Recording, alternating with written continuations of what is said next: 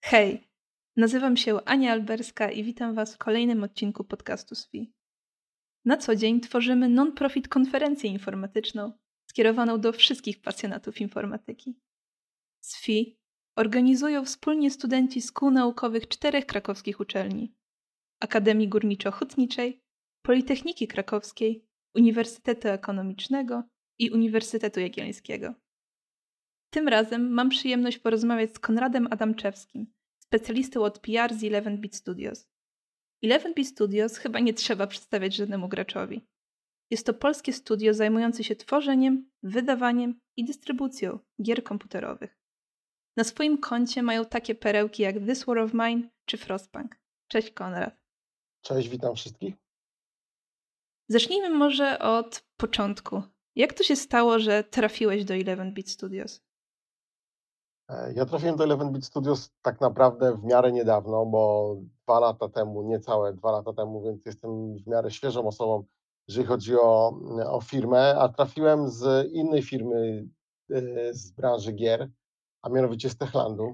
Wcześniej pracowałem w Techlandzie, czyli e, firmie, która też zajmowałem się tam marketingiem, firmie, która stworzyła grę Dying Light, a a jeszcze wcześniej byłem dziennikarzem, który o grach pisał, e, pisał recenzje i e, jeździł na różne pokazy gier i na targi i różne takie sprawy, więc jakby w samej branży już jestem od 2008 mniej więcej roku, a w samym marketingu e, gier od 2016, no a w, już jakby w miejscu obecnym, czyli w bitach e, od początku 2000, 2019 roku. Ja swoją przygodę z 11-Bit Studios głównie zaczynałam od Anomalii właśnie. Gdzieś chyba w CD Action było ono dostępne i bardzo mi się spodobał właśnie taki koncept Tower Defense'a, ale chciałabym Ciebie zapytać o e, grę, która zrobiła na mnie o wiele większe wrażenie, czyli This War of Mine. E, skąd w ogóle pomysł na taką grę? Jak to, od czego, od czego się zaczął w ogóle koncept do wykonania? Bo to jest całkiem całkiem ciekawa formuła. Nie iść w stronę Call of Duty i nie iść w stronę żołnierzy, tylko spróbować pokazać e, e, stronę zwykłego cywila, który próbuje się uporać z wojną. Generalnie tak jak Anomalii to była taka gra, która jakby była jeszcze trochę innym, innym okresem w, naszym, e, w naszej twórczości. E, I tak jak y, można powiedzieć, This War of Mine było grą, która ukształtowała studio e, takim, jakim jest dzisiaj. This War of Mine pokazało nam, jakby pod This War of Mine podjęliśmy taką decyzję, że, e, że chcemy, żeby w naszym DNA leżało tworzenie takich gier, które mają jakby drugie dno, które potrafią też przekazać coś więcej graczom i to był taki, można powiedzieć, nowy początek. A pomysł na grę wziął się z tego, że podczas tworzenia, szukania jakby konceptu, pomysłu na, nową, na nowy produkt po e, anomalii, e, Michał Drozdowski, czyli to jest osoba, która jest w tym momencie development i design dyrektorem u nas w firmie, e, powiedział coś takiego, żeby nie myśleć o gatunkach gier jako takich, tylko żeby stworzyć grę opartą o ideę. I tą ideą po jakimś czasie okazało się ukazanie jakby trudów życia cywili podczas wojny. Nasz prezes e, obecnie, nasz obecnie teraz już e, nie jest on prezesem, ale jest całą od spraw operacyjnych, to jest Grzegorz Michowski. On czytał dużo a propos mm, takich relacji ludzi, którzy cywili podczas wojny w Bośni.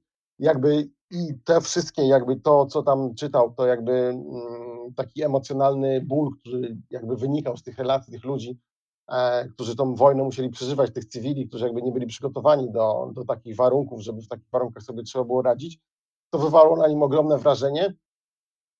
I on pomyślał, że właśnie ta idea by była e, ciekawa do opowiedzenia jej w grze, więc jakby tutaj było takie podejście, że mm, tak jak mówisz, my to nazywamy trochę złamaniem perspektywy, tak? Gracze wykorzystaliśmy, mhm. wykorzystaliśmy jakby E, taki motyw złamania perspektywy. Gracze spodziewali się po grze wojennej właśnie żołnierza, który trzyma karabin, e, gdzieś tam biega, wyskakuje z osłon i strzela do wrogów, e, a my postanowiliśmy właśnie stworzyć grę opartą o ideę opowiedzenia o cywilach w czasie wojny i jakby to też jest jedna rzecz, której się nauczyliśmy na podstawie This War of Mine, że gra powinna być oparta w dużej mierze właśnie o taką ideę, jakby, żeby łatwo można było powiedzieć, że ta gra opowiada o czymś. W tym przypadku e, This War of Mine możemy powiedzieć, gra opowiada o cywilach na wojnie, a nie na przykład coś takiego, że gra jest kolejną platformówką podobną do tego lub tego. I, e, i wokół tej idei jakby zbudowaliśmy cały gameplay i, i właśnie trochę tak jakby zapominając o tych, e, nie dając się zamknąć w jakichś sztywnych ramach jakiegoś gatunku, tylko wokół tej idei zbudowaliśmy całe, całą rozgrywkę a propos tych właśnie na podstawie tych wspomnień wojennych i, i tych cywili, relacji tych cywili, relacji z różnych wojen, gdyż jakby This War of Mine nie jest, nie opowiada o konkretnym konflikcie zbrojnym, tylko jakby jest takim bardziej uniwersalnym przekazem opowiadającym o po prostu właśnie o cywilach, trudach przetrwania cywilów w czasie wojny. No ideę też łatwiej sprzedać mainstreamowi tak. niż taką tak. kolejną platformówkę. Tak, trochę jest to, to, o czym mówisz, jest 100% racji, bo, e, bo jakby gra This War of Mine był dosyć popularny, zdobył uznanie wśród mainstreamowych mediów, takich na przykład gazety The Guardian czy, czy The Times, e, bo tak, faktycznie dla nich jest to bardziej ciekawe, jeżeli usłyszą o tym, że to jest gra, która mówi o cywilach na wojnie, a nie, że to jest gra, która jest kolejnym RPG-iem, czy, czy slasherem, czy, czy strzelaniną. Wspominałeś, że korzystaliście z relacji cywili. E, czy głównie były to relacje spisane, czy też e, poświęciliście czas na dojście do osób, które na, na żywo bezpośrednio opowiedziały wam i jak wyglądało, jak wyglądała wojna z ich perspektywy? Było to bardzo dużo relacji pisanych, jakby taki research był mhm. prowadzony na podstawie artykułów, e, opracowań różnych takich ale były też y, to żywe rozmowy. Tak, znaleźliśmy osobę, y, gościa, który się nazywał e, Emir Cerimowicz. To była osoba, która, która faktycznie była w Sarajewie w czasie, w czasie oblężenia miasta. E, I on wraz ze swoją rodziną, z e, matką i z bratem uciekli z tego Sarajewa dosyć na początku tego oblężenia, ale jednak troszkę jakby tam czasu spędzili.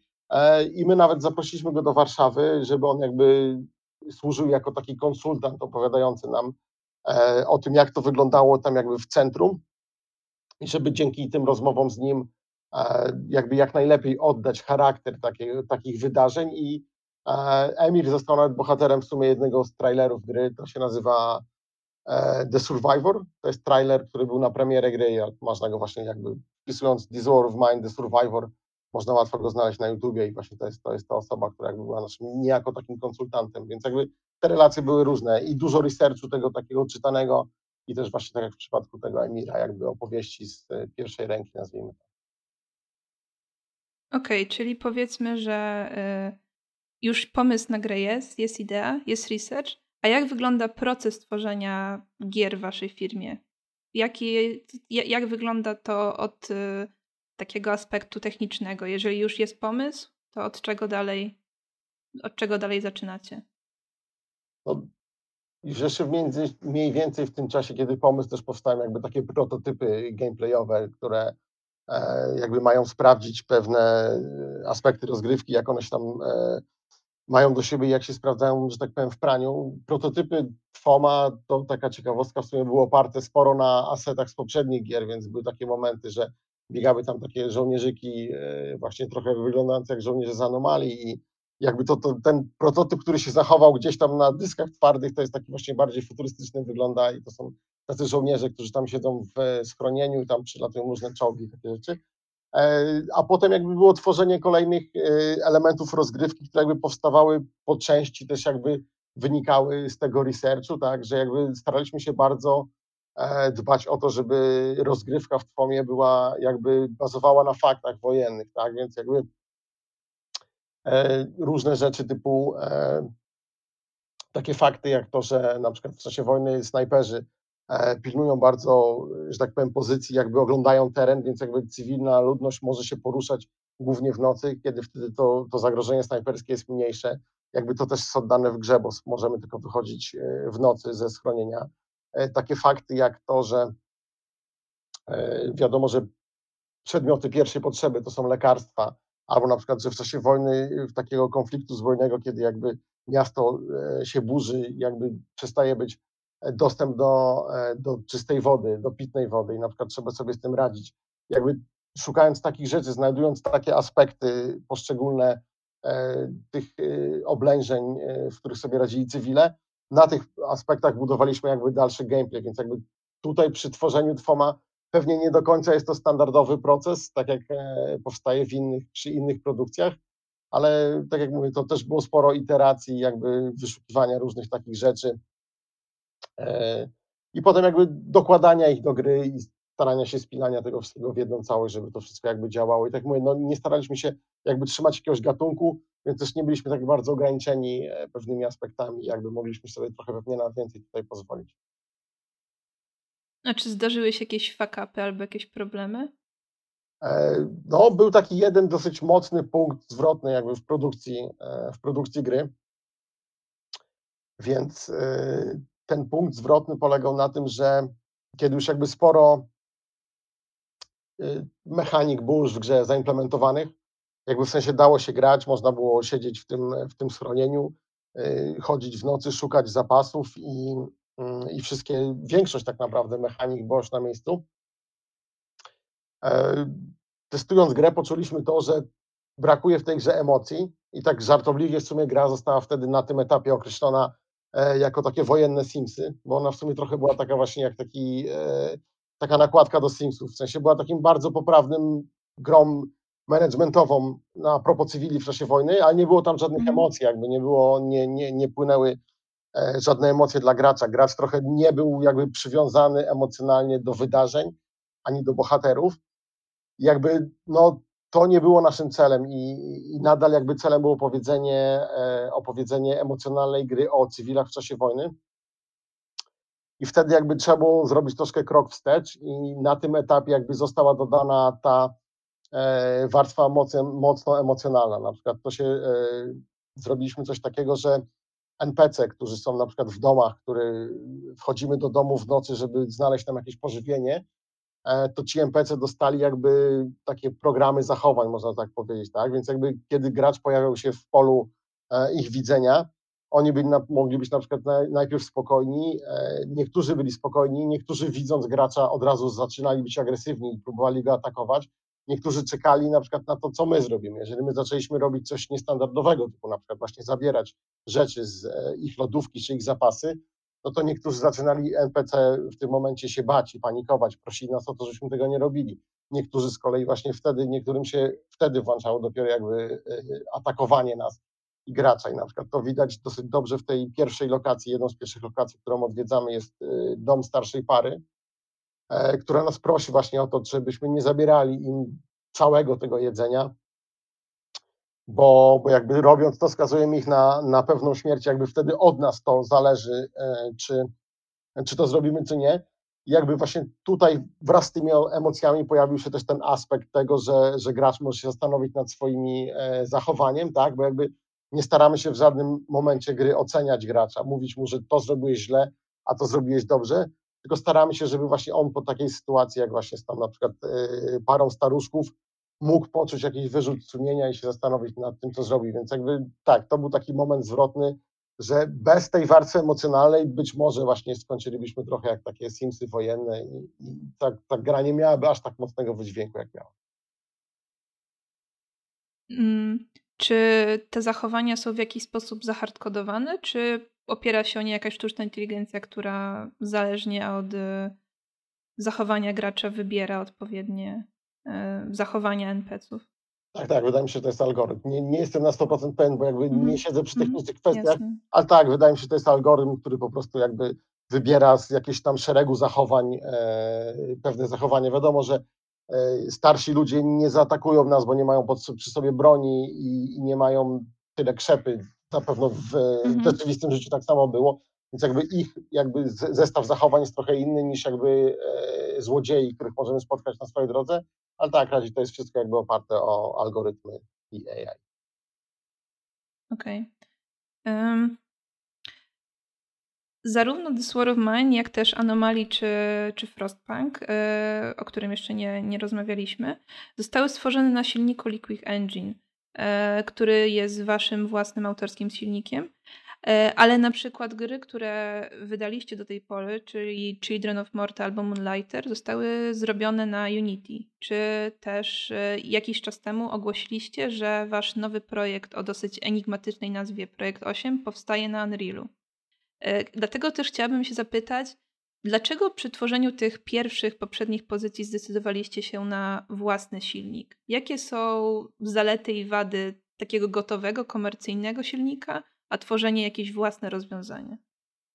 W czasach, kiedy zaczynaliśmy tworzyć Anomalii czy The War of Mine, nie był jeszcze jakby, dostępność Unreal'a nie była tak bardzo powszechna, jak jest teraz, tak? Teraz tak naprawdę każdy e, z nas może sobie usiąść wieczorem w domu i, i podłubać w Unreal'u darmowym e, i zobaczyć, jak to wygląda tak samo w Unity.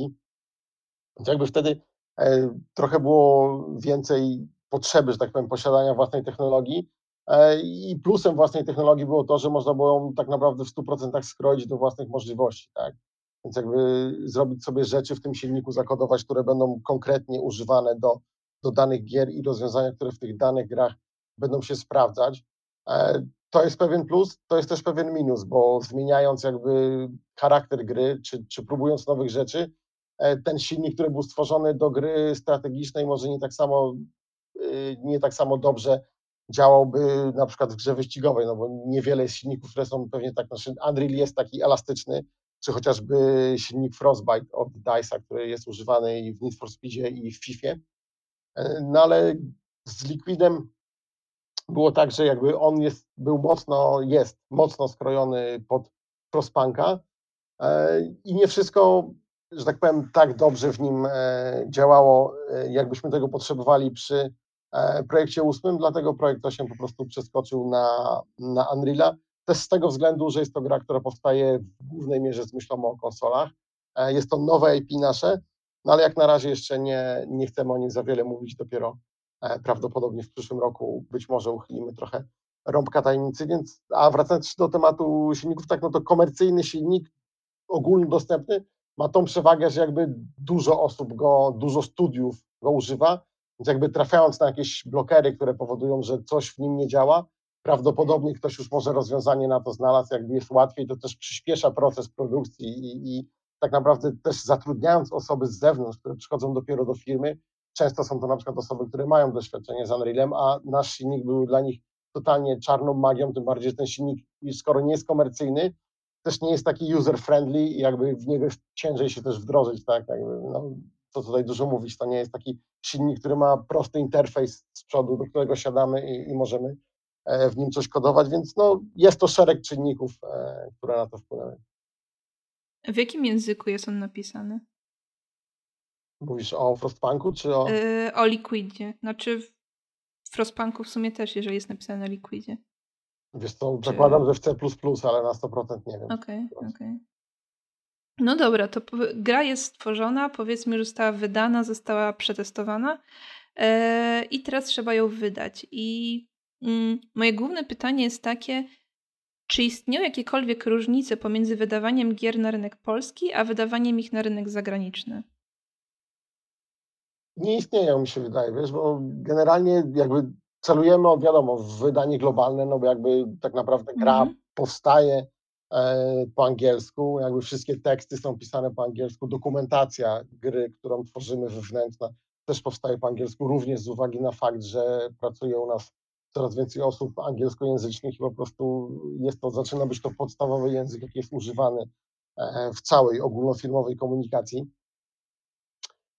Potem jakby jest tłumaczenie na polski, tak? Więc jakby wyjście na, wyjście tak naprawdę na Steamie z grą równa się to, że jesteś dostępny E, i w Polsce, i we Francji, i w Wielkiej Brytanii, i w Ameryce, więc jakby nie, tutaj specjalnych różnic, jeśli chodzi o, e, o wydawanie nie ma. Oczywiście można się postarać jakieś akcje marketingowe dla danego rynku, które są bardziej sprecyzowane pod dany rynek, typu, nie wiem, jeżeli byśmy mieli w grze jakiegoś aktora głosowego e, polskiego, grającego głównego bohatera, no to pewnie warto by było zrobić jakąś kampanię, która jest celowana tylko w konkretny rynek polski z tym aktorem ale jakby sam szablon i, i, komunikacja w naszym przypadku, którą jakby tworzymy już na etapie powstawania gry, bo uważamy, że jakby e, cała marketingowa kampania musi być e, iść bardzo mocno w parze z tym, co jakby czym jest gra.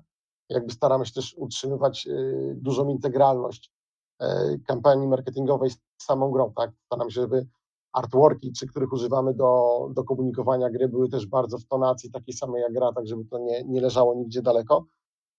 Więc jakby ta komunikacja jest też cała na wszystkie, taka sama na wszystkie rynki, tak? Więc jakby to wszystko jest jedna machina, która jakby potem finalnie pojawia się na wszystkich rynkach jednocześnie.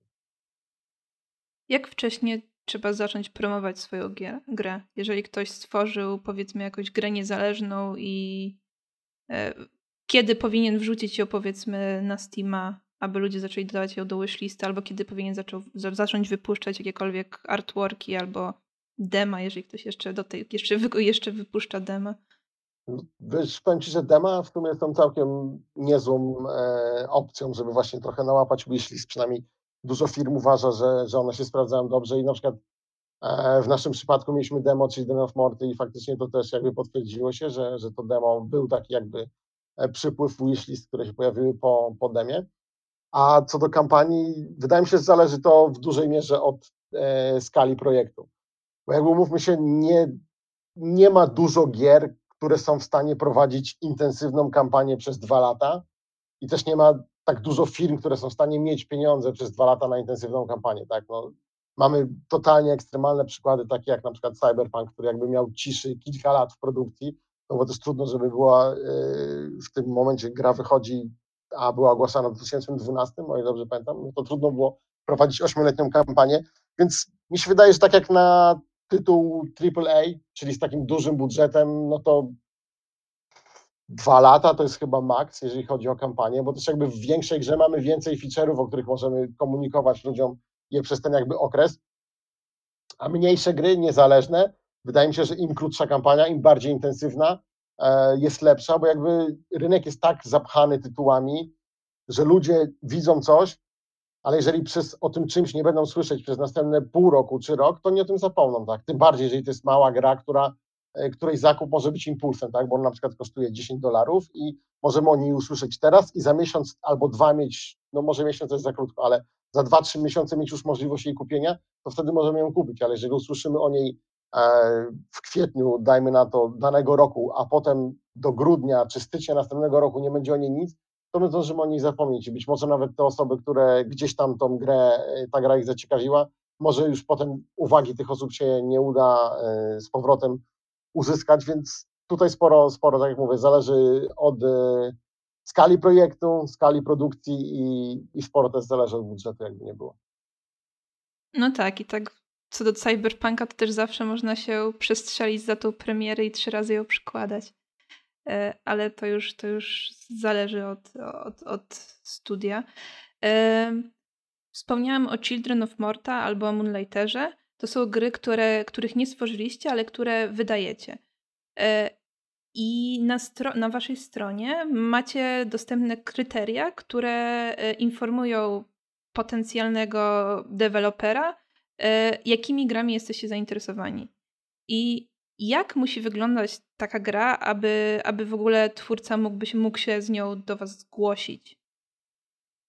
My staramy się, tak jak wspomniałem, jakby This War of Mine nauczyło nam, nas tego, że chcemy tworzyć gry, które mhm. mają przekaz, mają jakieś drugie dno i gry, które jakby są skłonne do tego, żeby wzbudzić jakąś dyskusję w graczach, tak żeby takie gry niosące przekaz, który będzie w stanie gdzieś tam zostać z graczem już jakiś czas nawet po, po skończeniu tych produkcji. Jakby podobnych rzeczy szukamy, szukamy do gier w marketingu. Też szukamy gier, które są oparte jakąś ideę, która nie jest jakby tak bardzo oczywista, która no, my jesteśmy e, w marketingu, mamy grupę osób, która jest e, dość wytrawnymi graczami, jakby które, osób, które dużo grają, e, dużo wiedzą o grach i jakby dużo widziały, więc jakby coś, co przykuwa naszą uwagę, co jest dosyć nietypowe albo podchodzi do problemu z innego trochę punktu, to jest na pewno plus duży na początek, więc prawda też jest taka, że jakby my dosyć sporo tych gier odrzucamy na różnych etapach, tak?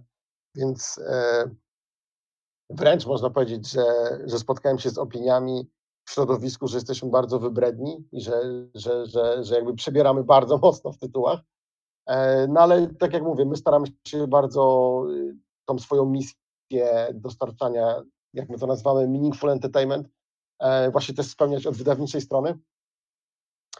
Więc gra, która nas zainteresuje właśnie tą ideą, jeżeli ktoś potrafi powiedzieć nam w dwóch zdaniach, że ta gra będzie opowiadać o tym, to jest to szansa, że, że jakby zainteresujemy się nią dalej. Oczywiście też skala projektów już jest dla nas jakaś istotna, gdyż, e, gdyż mamy jakieś tam już fundusze określone na te gry, e, coraz większe w ostatnim czasie tak naprawdę i, i szukamy też projektów o pewnej skali. Ale na przykład opowiadając na przykładzie Children of Morta, jest to gra, która teoretycznie jakby na wierzchu jest e, hack and slashem podobnym do Diablo, takim no, patrząc na tą grę, ktoś mógł powiedzieć, że to jest takie Diablo z pixelartem, tak, ale jakby gra opowiada o rodzinie bohaterów, którzy strzegą e, tej tytułowej e, góry Morta i robi niestandardowo pewne rzeczy, bo jakby bardzo opiera Tutaj tą ideą jest opowiedzenie historii o rodzinie bohaterów i to jest historia o rodzinnych więzach, tak?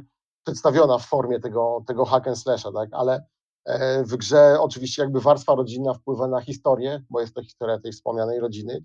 Warstwa rodzinna wpływa też na podział klas, bo nie mamy sztywnego podziału klas, na przykład na maga czy wojownika, tylko jakby e, pewne odpowiedniki. Mamy Johna, który jest ojcem rodziny, głową rodziny, e, który jest postacią, odpowiednikiem takiej postaci wojownika, który ma miecz i tarczę, jest troszkę wolniejszy, ale silniejszy, no ale nie jest nazwany nigdzie wojownikiem, tak, który jest tą głową rodziny. Tak. Mamy córkę jego, która jest łuczniczką, albo na przykład córkę młodszą, która jest e, jeszcze dzieckiem w zasadzie, nastolatkiem, która jest bardzo energiczna, więc jakby ona jest e, magiem, który posługuje się mm, ogniem, tak, więc bo jakby jest taką dzieckiem, można powiedzieć, trudnym do upilnowania i wszędzie go pełno, więc jakby do niego, tego dziecka pasowało e, klasa taka jak mag ognisty. Mamy na przykład Kevina, który jest młodszym z synów, który jest postacią, osobą troszkę wycofaną, taką nie do końca pewną siebie, i na przykład to jest postać, która używa takich technik jak znikanie przed wrogami, jest taka bardziej e, stealthy, tak? Więc jakby tutaj jakby te pewne archetypy zostały przekute w klasy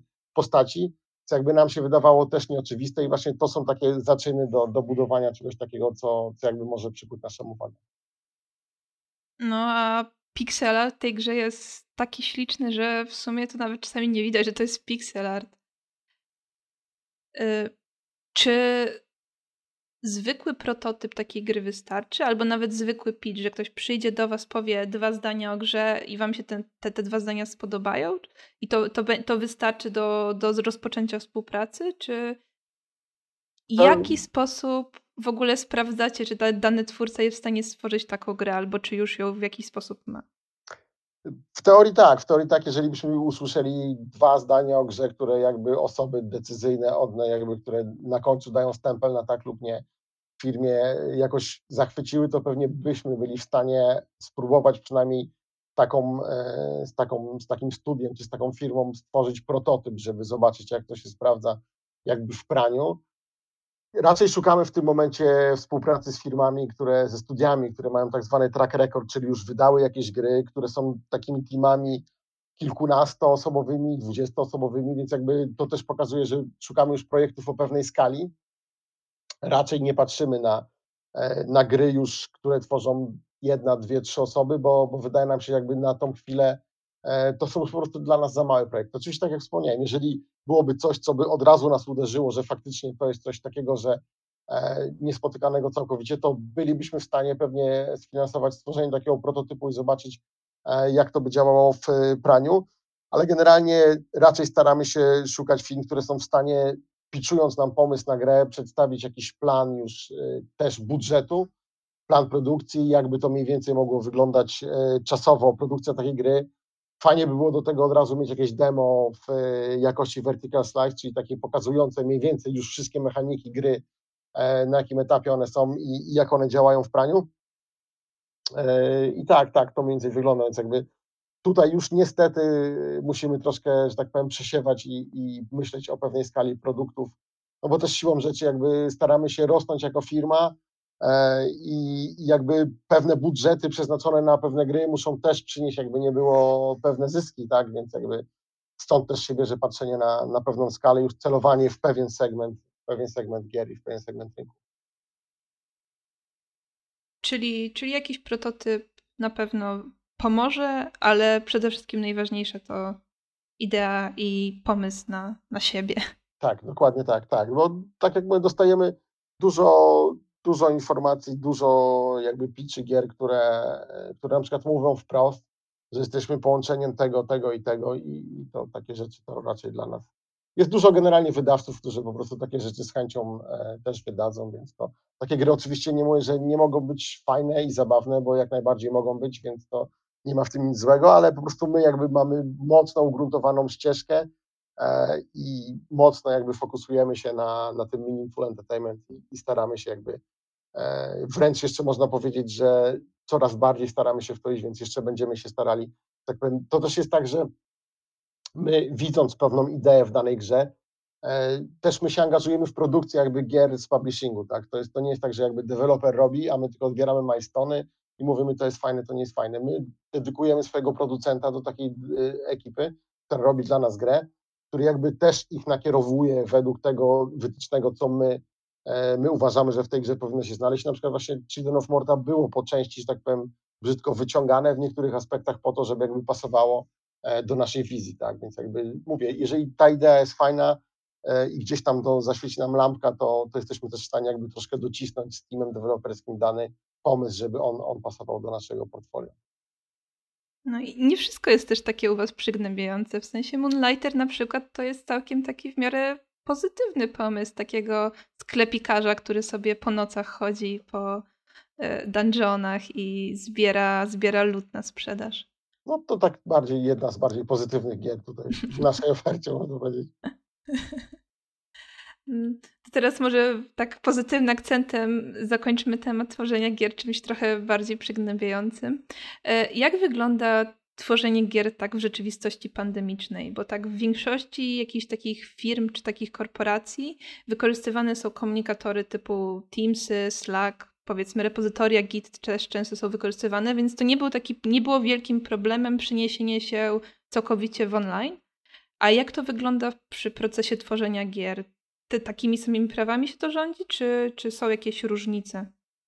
Nie, nie. Kwestii? Wygląda to mniej więcej tak, jak opisałaś, tak? W sumie my, mhm. my przeszliśmy na zdalną pracę e, w marcu, 13 marca bodaj, o ile mnie pamięć nie myli, byłem nie, ostat... mhm. nie ostatni raz w biurze, bo jeszcze byłem parę razy, ale jakby cała firma pracowała ostatni raz 13 marca.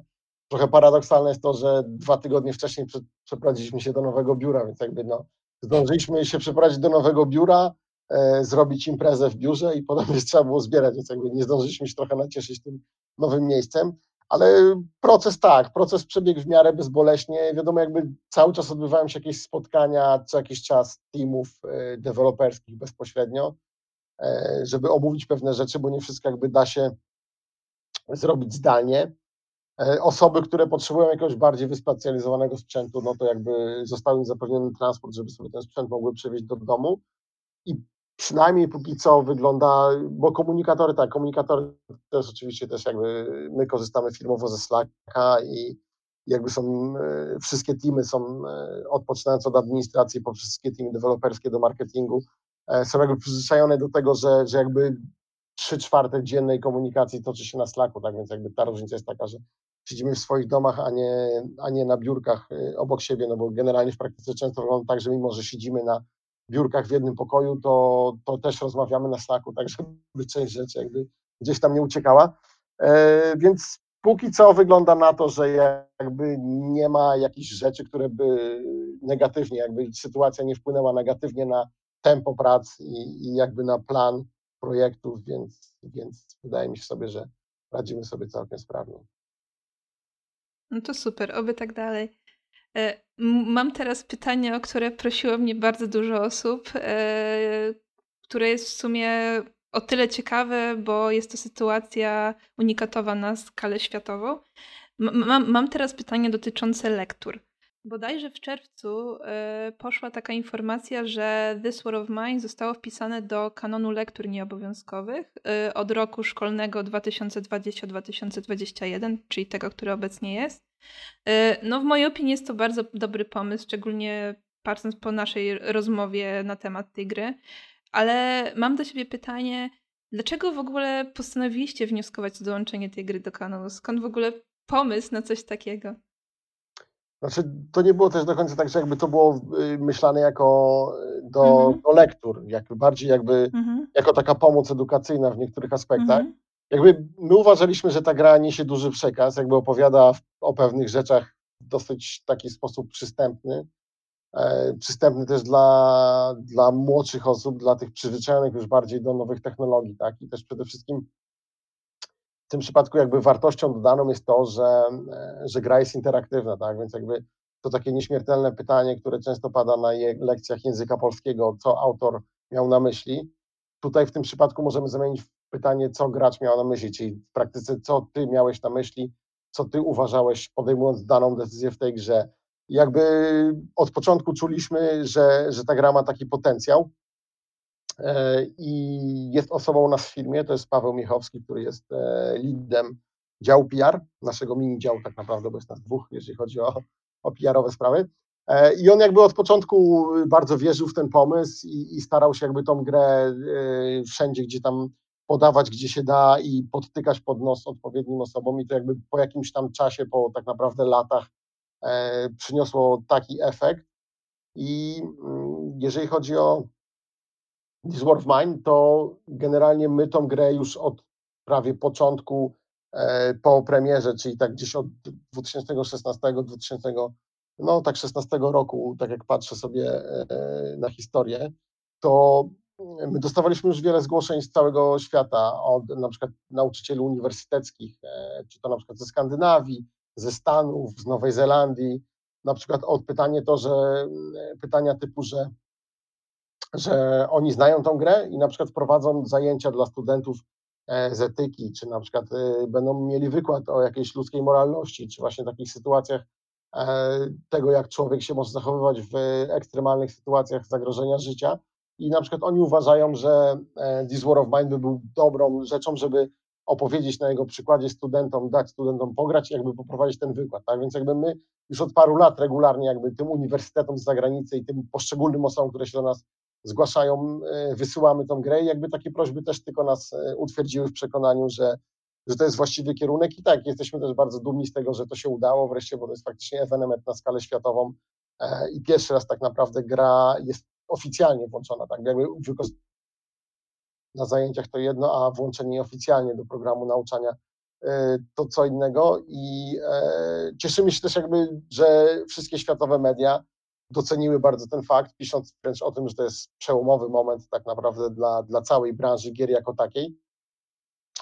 I, I zobaczymy, jak to się dalej rozwinie. Generalnie w tym momencie tak naprawdę pracujemy wspólnie z ministerstwem, ministerstwem nad E, opracowaniem tego, jak e, lekcje z TOMem mogłyby wyglądać i, i takich wszystkich różnych formalnych rzeczach, więc jakby do takiego pełnego wykorzystywania pewnie jeszcze troszkę czasu minie, ale też jakby jeżeli chodzi o taką techniczny aspekt, czysto formalny, to, to oczywiście gry będziemy tym chętnym wszystkim przekazywać za darmo, podobnie jak to działa z tymi uniwersytetami zagranicznymi i, E, I cóż, no miejmy nadzieję, że będą, e, już dostajemy w sumie głosy, że są, są w Polsce osoby i, i wykładowcy, którzy są zainteresowani, więc, więc myślę, że jakby to będzie sobie powoli szło do przodu i jakby e, będzie się rozwijać ten pomysł. Tak jak mówię, jesteśmy niezwykle dumni, że, że udało nam się osiągnąć i, i, i że TWOM będzie, This War of Mine wykorzystywany. Ja tak mówię TWOM, bo my często tak mówimy w firmie, bo to trochę prościej, krócej i szybciej, e, że This War of Mine będzie wykorzystywany właśnie w tych edukacyjnych celach.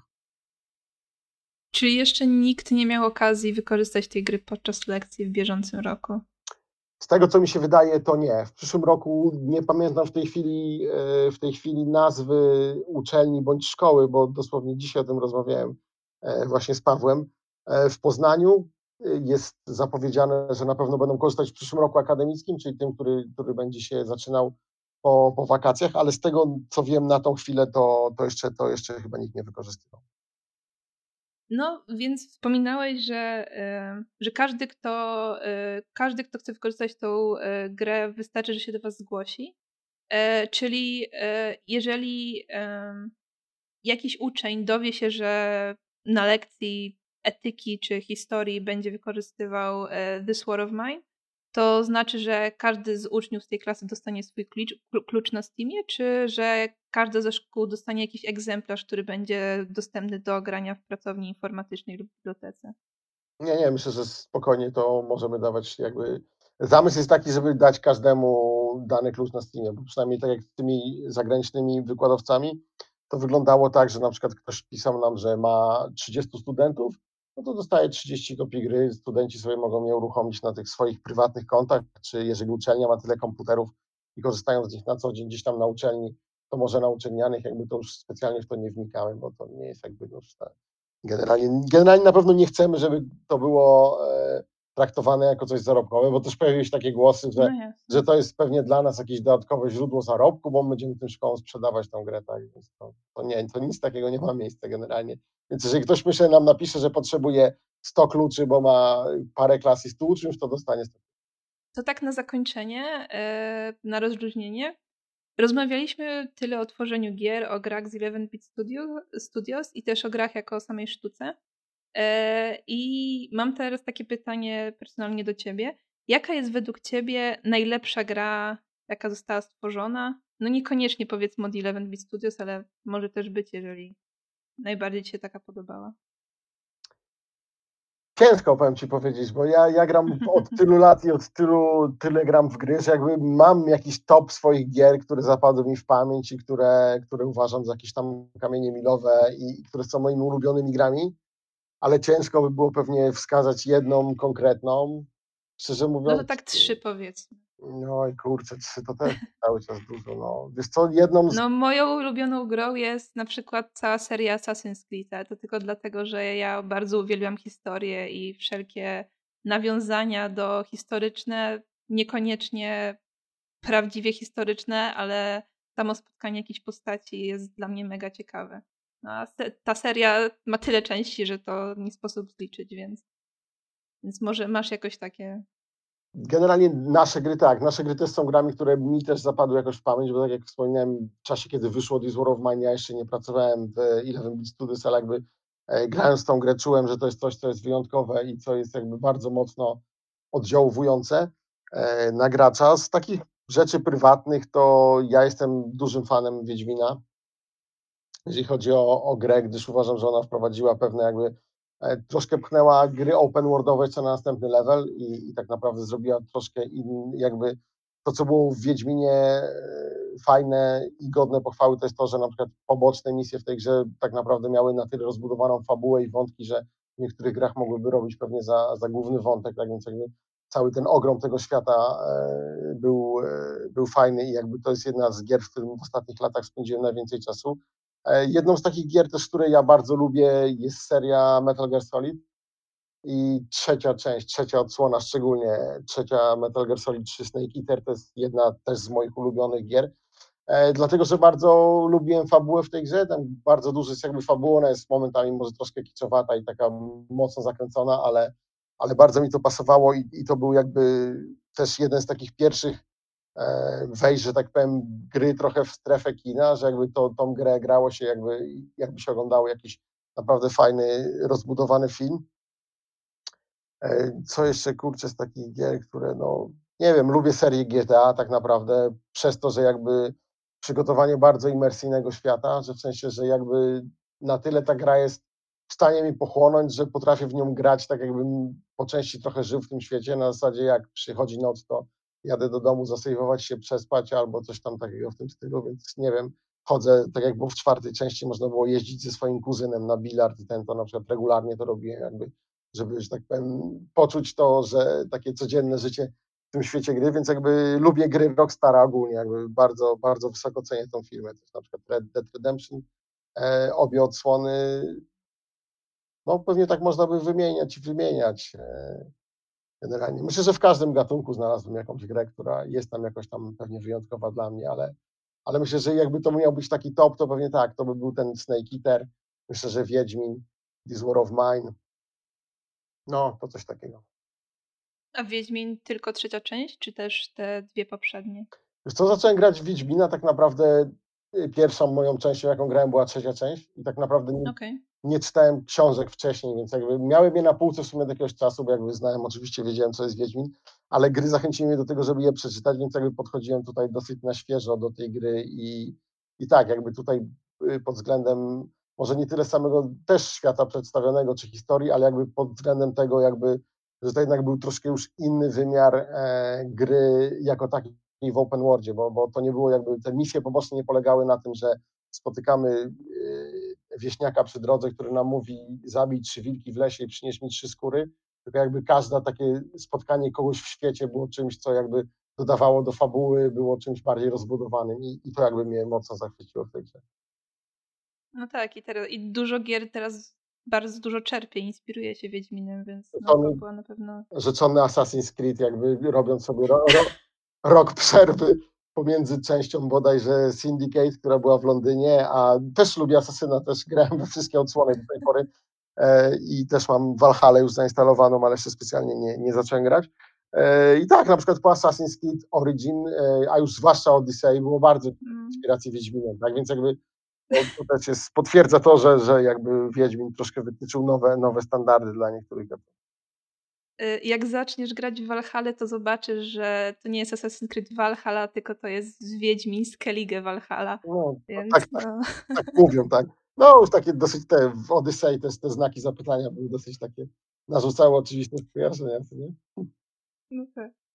Ale to, e, to, no miło, to miło, że tacy duzi światowi producenci równają do, do polskich produkcji. No, to na pewno jest y, pozytywne i takie podbudowywujące w narodzie, że trafimy zrobić coś e, dobrego i unikal, unikatowego wręcz. Zdecydowanie. Powiem Ci taką ciekawostkę, że jak y, jeszcze byłem w czasach dziennikarskich, jeździliśmy co roku na targi, na Gamescom do Kolonii na przykład, to jeszcze przed Wiedźminem, jak się tak pytało, bo mój kolega robił taki eksperyment, chodził z kamerą i pytał ludzi stojących w różnych kolejkach do różnych tam gier, e, z jakiego kraju jest Wiedźmin, no to część już wiedziała, że jest z Polski, część jeszcze nie wiedziała, no ale powtarzając ten eksperyment już potem za jakiś czas, to, to wszyscy wiedzieli. Tak. Tym pozytywnym akcentem myślę, że możemy kończyć naszą rozmowę. E, czy jest coś, co chciałbyś dodać na koniec siebie? Wiesz co, nie mam jakoś często głowy, że tak powiem, nie mam dobrych pomysłów na jakieś kwieciste podsumowania, więc myślę, że, że chyba wszystko, co, co, co było powiedziane, to, Jasne. W takim razie dziękuję za rozmowę. Każdego, kto wysłuchał do końca, zapraszam do przesłuchania też innych naszych gamedevowych rozmów. Myślę, że może Was zainteresować nasza rozmowa z Jago Klawkę, e, environment artystem z mm, Blizzarda, który opowiada o swojej pracy nad Overwatchem, albo też naszą rozmowę z Klaudią Dobrogojską i Maćkiem Dąbrowskim, e, którzy opowiadają o tworzeniu swoich własnych gier niezależnych i o tym, dlaczego nie warto czekać na e, wrzucenie swojej gry na Steama. E, no i z mojej strony to tyle. Na pewno śledźcie nasze media społecznościowe, Facebooka, Instagrama i Twittera, aby nie, nie ominąć żadnej kolejnej rozmowy. No i dzięki za wysłuchanie. Hej.